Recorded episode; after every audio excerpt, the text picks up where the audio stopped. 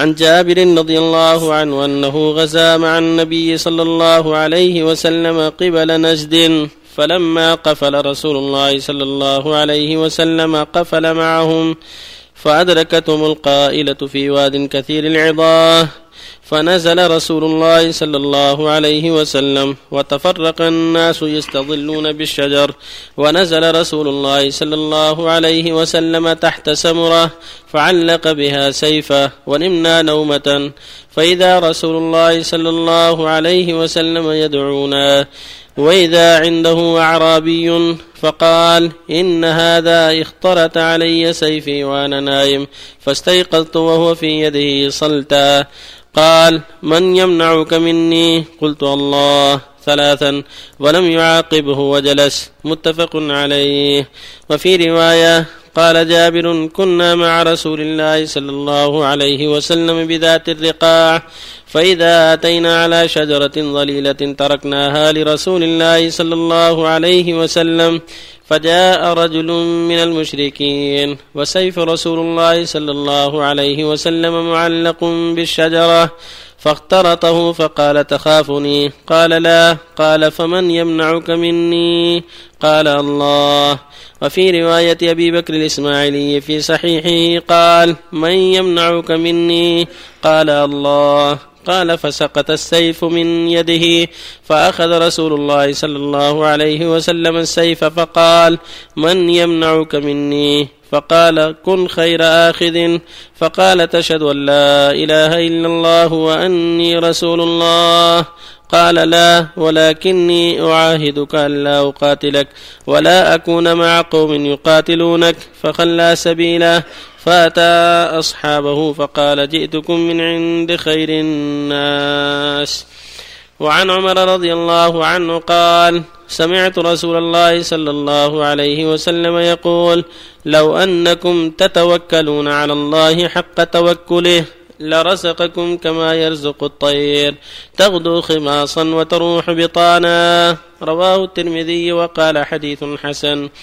وعن أبي عمارة البراء بن عازب رضي الله عنهما قال قال رسول الله صلى الله عليه وسلم يا فلان إذا أويت إلى فراشك فقل اللهم أسلمت نفسي إليك ووجهت وجهي إليك وفوضت أمري إليك وألجأت ظهري إليك رغبة ورهبة إليك لا ملجأ ولا منجأ منك إلا إليك آمنت بكتابك الذي أنزلت ونبيك الذي أرسلت فإنك إن مت من ليلتك مت على الفطرة وإن أصبحت أصبت خيرا متفق عليه وفي رواية في الصحيحين عن البراء قال قال لي رسول الله صلى الله عليه وسلم إذا أتيت مسجعك فتوضأ وضوءك للصلاة ثم استدع على شقك الأيمن وقل وذكر نحوه ثم قال واجعلهن آخر ما تقول.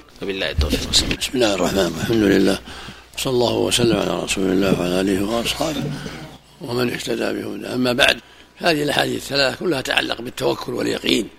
تقدم في هذا آيات وأحاديث كلها تدل على وجوب الإيمان الجازم واليقين بأن الله معبوده الحق وإلهه الحق وأنه مستحق العبادة والإيمان بكل ما أخبر الله به ورسوله والتوكل على الله في جميع الأمور.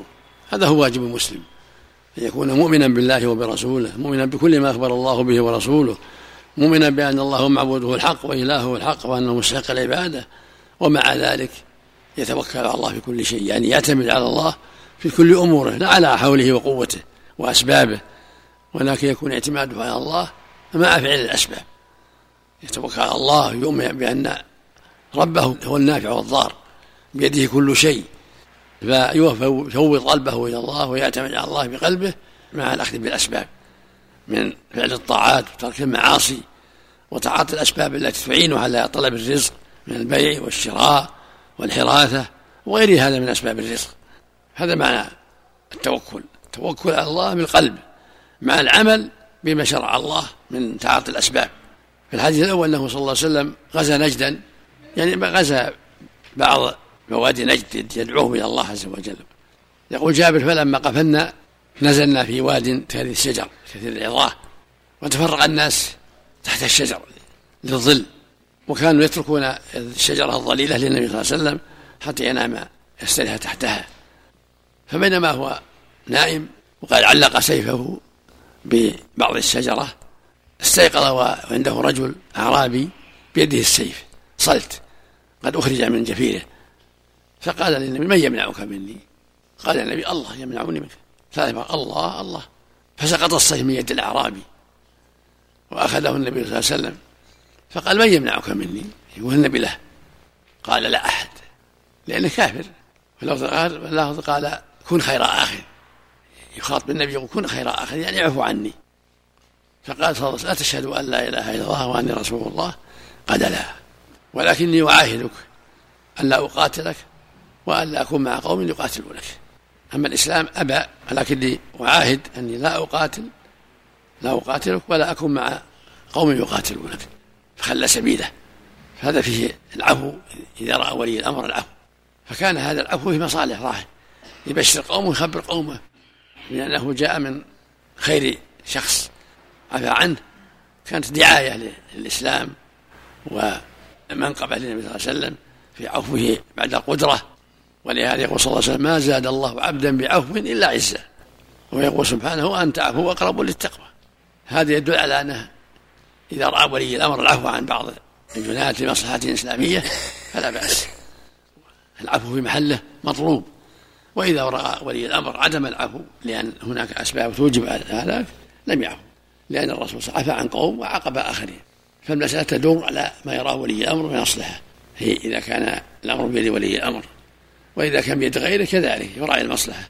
والحديث الثاني يقول صلى الله عليه وسلم لو أنكم توكلوا على الله حق توكله لرزقكم كما يرزق الطير. تغدو خماصا جيعا وتروح بطانا إلى آخر النهار قد شبعت.